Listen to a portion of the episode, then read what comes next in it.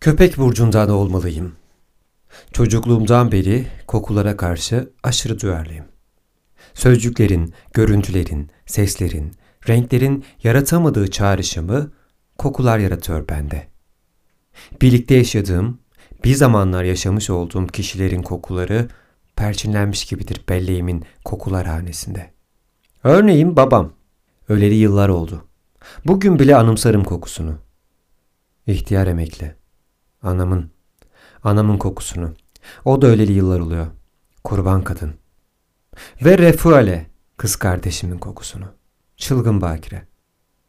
Hayvanların, nesnelerin, yerlerin, yörelerin kokusu da yer etmiştir belleğimde. 9 yaşındayken yitirdiğim sevgili köpeğimin kokusu başkaydı. 10 yaşında sokakta bulup eve getirdiğiminki başka. Fatih'teki evimizin kokusu başkaydı. Firuza'daki evimizin kokusu başka. Evet, anlaşıldı artık. Kokulara karşı aşırı bir duyarlılığım var. Açıkça söyleyeyim ki beni en çok coşturan kokudur. Yalnız kokudur demiyorum. Ama ilk etkiyi sağlayan derin derin soluduğum kokudur. Sevişmem okşamalardan, öpüşlerden önce koklamakla başlar. Her kadının ayrı bir kokusu vardır. Kullandıkları kokudan söz etmiyorum, kendi öz, doğal kokularından bahsediyorum. Daha doğrusu bin bir kokusu. Saçlarının kokusu başkadır, ensesinin, boynunun kokusu başka. Kulağının içi başka kokar, burun delikleri başka. Gerdanı başka kokar, göğüsleri başka. Giderek iki göğsünden ikisinin kokusu ayrı diyeceğim. Hiç değilse safkan dişelerde öyledir. Koltuk altlarının kokusu bacak araların kokusuna ya da diz kapağı ardının kokusuna benzer mi? Ayak kokusundan söz etmeyeceğim. Ayak kokuları üstüne bir kitap yazabilirim. Bunda utanacak ne var? Koklayacak bir dişi bulamadığımda yatağa uzanıp kendi kendimi koklarım. Koklamak biraz da yoklamaktır. Keyifliyken başka bir koku salgılar bedenim. Hüzünlüyken başka, tokken başka, açken başka. Yalnızlığın bir başka kokusu vardır. Birlikte olmanın, özellikle yatakta, bir başka kokusu. Çiftleşir ya da tekleşirken bedenimizin kokusu da değişir. Bilmiyorum. Ünlü ruh bilimci Kraft Ebing, Psikopatya Sexualise'de koku düşkünlüğüne ne ad veriyor? Bu koku düşkünlüğünü örneğin fetişizm, animalizm, egzibisyonizm, mazoşizm, sadizm gibi ruhsal hastalıklar arasında mı değerlendiriyor yoksa ya da normal karşılayarak psikopatyanın sınırlar içine sokuyor mu? Freud ne düşünüyor bu konuda? Ya Jung? Aslında bu büyük ruhçuların ne düşündüğü bilmem nemde değil. Normal ya da anormal bilmiyorum. Bildiğim bir koku düşkünü olduğun.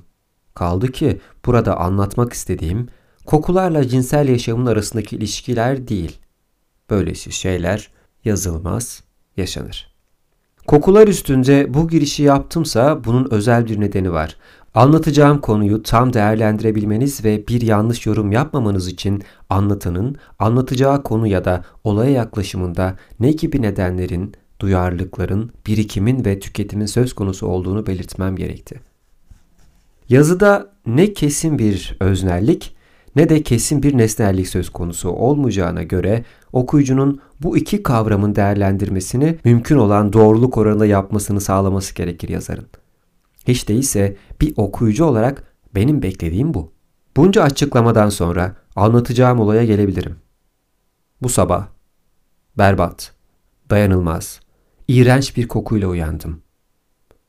Nereden gelebilir bu koku diye düşünüp ilk aklıma gelen yere ayak yoluna girdim. Evet, burada koku daha yoğundu. Dün gece yatmadan önce işimi gördükten sonra sifonu çekmeyi unutmuş olmalıyım dedim kendi kendime. Ama baktım gözüken bir şey yok. Sifonu çektim yine de. Dolmasını bekledim, bir daha çektim. Sonra elimi yüzümü yıkamak için banyoya girdim. Burası da en az ayak yolu kadar kötü kokuyordu. Sabah aç karnına ve uyku sersemi dayanılır bir koku değildi bu. Gene de kaynağını bulmak için derin derin soludum. Ve içimdeki koku uzmanına sordum. Ne kokusu olabilir bu? Kaynağı ne? Neresi olabilir? Açıkça söyleyeyim ki çabuk ve kesin bir cevap veremedim. Banyonun aydınlığa bakan küçük penceresini açtım. Pencereyi açmamla koku daha da bir arttı. O zaman anladım ki koku dışarıdan gelmektedir. Lodos'un bir oyunu olmalı bu diye düşündüm. Kentimiz Lodos'ta pek kötü kokar. Lodos esmeye görsün. Sanki yerin dibinde gizlenmiş tüm kokular birden yer üstüne çıkarlar. Kahvemi pişirmek için mutfağa girdim. Mutfakta aynı koku. Ocağın üstünde kahvem kaynarken mutfağın penceresinden avluya bir göz attım. Avludaki ağaçların yaprağı kımıldamıyordu. Lodos da esmediğine göre nereden geliyor bu koku? Kahvemi içemedim. Kahvem de dayanılmaz bir biçimde kokuyordu. Döktüm. Sonra tıraş bile olmadan giyinip sokağa fırladım. Sokak evin içinden daha beter kokuyordu. Bir sokaktan bir sokağa, ana caddeden ara sokaklara, ara sokaklardan ana caddeye, içimde nereden geldiğini bilmediğim kokudan doğan bulantı ve belki bunun sonucu korkunç bir baş ağrısı. Oradan oraya vurdum kendimi. Kurşun yemiş bir Yunus gibi. Nereye gideceğimi bilmiyordum. Yalnızca bu kokudan kurtulabileceğim bir sokak, bir köşe arıyordum. Ne kokusunu andırıyordu bu? Kokmuş balık kokusu? Değil. Lağım kokusu? Hayır değil. Çürük kokusu? Yok. Ağıl kokusu ne ilgisi var? Güneşte güneşte kurtlanmış leş kokusu gibi ama değil. Yanık kokusu? Hayır. Yangın kokusu? Hayır dedik. Bataklık kokusu olamaz. Bir ceset. Bir ceset kokusu? Yok. Sanmam. Öylesine bir kokuydu ki bu tüm bu kokulardan oluşmuştu sanki. Balıklar kokmuş, sebzeler çürümüş. Bir çürük seli güneşte kurtlanmış leş sürüsü üstünden akmış, binlerce gömülmemiş, günlerce yaz güneşinin altında kalmış cesetlere ulaşmış ve sonra tüm kenti alt üst eden bir yangının kokusunu getiren rüzgarla karışıp kendi üstüne çökmüştü. Yürüyordum. Yürüyordum ve yolumun üstüne çıkan dükkanlara girip çıkıyordum bu kokuyu unutmak, bu kokuyu duymamak için. Bir antikacı dükkanına girdim. Yaldızlı kokuların, ağır çerçevelerin yüzyıllar boyu kullanılmış dolapların kokusunu duymak için soludum. Hayır, hayır. Antikacı dükkanında tüm bu eşyalar yerli yerlerinde duruyordu ama dışarıdan, dışarıdan gelen koku bunların kokusunu bastırmıştı. Bir kahveye girdim. Bir çay söyledim. Ama kahvenin kokusu dayanılır gibi değildi. Genzin boşu boşuna arada aşılmış iskambil kağıtlarının, telvelerin, semaverin ve nargilenin kokusunu. Oysa kahveler, çaylar içiliyordu, nargileler fokurdatılıyor. Yanı başımdaki masada iskambil oynanıyordu. Ama bunların hiçbirinin kendine özgü kokusu yoktu. O iğrenç koku tümünü bastırmıştı. Çayımdan iki yudum almadım. Çıktım kahveden. Yolumun üstüne çıkan bir kitapçı dükkanına girdim. En son çıkan kitaplara el attım. Gözüme değil burnuma götürdüm kitapları. Ne kağıt kokusu ne mürekkep. Bir otobüse bindim. iki durak sonra indim. Bir dolmuşa bindim. Yüz adım sonra durdurdum. Bir benzin istasyonunda konakladım. Benzin pompalarının yanında durdum. Araçlara benzin verilirken hayır, hayır ne insan kokusu ne benzin kokusu. Yalnızca o adlandıramadığım kokuyu duyuyordum. Denizi, açık havayı özledim. Deniz kıyısına gidersem bu kokudan kurtulacakmışım gibime geldi. Beni, beni kent dışında deniz kıyısında bir yere götürecek tıklım tıklım bir otobüse atladım. Otobüsün kokusu her zamanki insan kokusu değildi. Kadın erkek ter karışımı. Pis bir ayak kokusuna bile razıydım. Gözlerim üstü başı partal, mutlak ayağı kokan, kokması gereken birini aradı. Önlerde bir yerlerde böyle birini gördüm. Yolcuların ayağına basa basa heyecanla öne doğru ilerledim. Adamın yanı başına vardığımda şöyle bir baktım. Ayaklarında çamurlu poturları, sırma bıyıkları ve ürkek tavrıyla kente yeni gelmiş bir köylüydü bu. Bu adamın ayağı kokmazsa kimseninki kokmaz efendim. Geldiği yerlerin ve günlerce belki haftalarca doğru dürüst yıkanmamış olmasının kokusunu taşıyor olmalıydı. İyice yaklaştım ve derin bir soluk aldım. Hayır, dilediğim koku gelmedi burnuma. Daha derin bir soluk aldım, gene hiçbir şey yok. Biletimi düşürdüm ayaklarının dibine. Biletimi almak için eğildiğimde burnum neredeyse postalarına değecekti. Zavallı burnum yalnızca o pis kokuyu duydu. Bir insanın ayak kokusunu değil. Doğrulduğumda bulantım bunaltıya dönüşmeye başlamıştı. Yıkılmıştım. Sanki son günü yaşayan bir dünyada, son günü yaşayan ve her ikisinin de bilincinde olan bir insandım. Bunaltı, bunaltı bu değil mi? Bilincinde olmak bir şeylerin. Bunu düşünür düşünmez bugün ilk kez çevreme, otobüstekilere bakmayı akıl ettim. Ya onlar?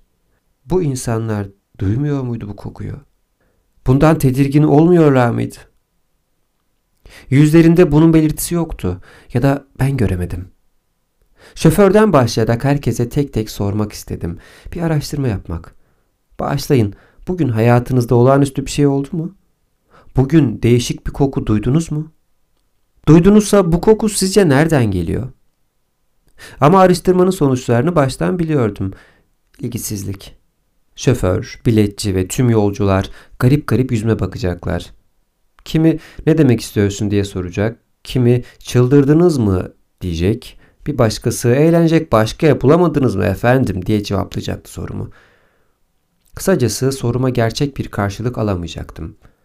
Bu bunaltı ve umutsuzlukla indim otobüsten. Tek umudum kalmıştı. Deniz. Deniz kıyısına attım kendimi. Deniz kudurmuştu. Dalgalar kıyı dövüyordu. Ama lodos değil desen. Ve deniz kıyısında duyulan hiç değilse benim duyduğum deniz, yosun ve iyot kokusu değildi. Deniz, kendinden olmayan hiçbir şeyi barındırmayan, bir gün mutlaka karaya vuran, kendine aşık deniz bile yitirmişti öz kokusunu. Denizden gelen koku öylesine ağır, öylesine dayanılmazdı ki, sanırdınız tüm balıklar ölmüş ve kokuşmuş ve binlerce boğulmuş insan cesedi doldurmuştu denizi. Dayanamadım. Kusmaya başladım. Boş midemden çıkan yemyeşil sularla ağzımın içi apacı kesilmişti. Eğilip bir avuç deniz suyu aldım ağzımı çalkalamak için. Deniz suyu, bildiğim tuzlu, iyot kokan deniz suyu değildi. Bu koku birkaç gün bile sürse yaşamım zehir olacaktı. Ne bir şey yiyebilir, ne bir şey içebilirdim. Uyumanın bile olasılığı yoktu. Ne yapabilirdim? Kime ne diyebilirdim? Anlaşma olasılığım ancak bu kokuyu duyulan kişilerle olabilirdi. Oysa sabahtan beri bu kokudan tedirgin olan biriyle karşılaşmamıştım. Boyun eğmek, alışmayı, bu kokuya alışmayı seçmek mi? Tanrı korusun. Bu benim yapacağım iş değildi. Kendi kendimi umutlandırmaya çalıştım. Nasıl olsa çok geçmeden başkaları da duyacak bu kokuyu dedim. Başkaları, başkaları. Bu kentte yaşayan soydaşlarım, hemşehrilerim, insan kardeşlerim. Şu anda kıyıda ağlarını onaran balıkçılar, fabrikalarda, atölyelerde çalışan işçiler, esnaflar, şoförler, biletçiler, herkes. Ben, ben kokulara karşı duygan olduğum için onlardan önce duydum. Akşam çökmeden ya da yarın olmadan onlar da duyacak bu kokuyu. Hiç kuşkusuz. O zaman... Peki o zaman? O zaman el birliğiyle bir şeyler yapılabilir. Acaba bir yazı yazıp gazetelere verip yayınlasam bu kokuyu bir an önce duymalarına yardımcı olabilir miyim? diye düşündüm. Ama ilkin kokunun varlığından hiçbir kuşkumun kalmaması gerekiyordu. Hiç değilse bir ya da iki kişi daha. Çevreme bakındım. Yalnız çocuklar vardı oynayan. Bir de ağlarını onaran balıkçılar. İlkin çocuklardan başlayayım dedim. Balonuyla oynayan bir kız çocuğuna yaklaştım. Bana bak yavrum dedim. Garip bir koku duyuyor musun bugün? Sağ eliyle burnunu tıkadı. Boğuk bir sesle. Hem de nasıl dedi. Gerçekten mi söylüyorsun? Dedim. Tabi dedi. Neden yalan söyleyeyim? Nasıl bir koku duyduğun dedim. Pis bir koku dedi.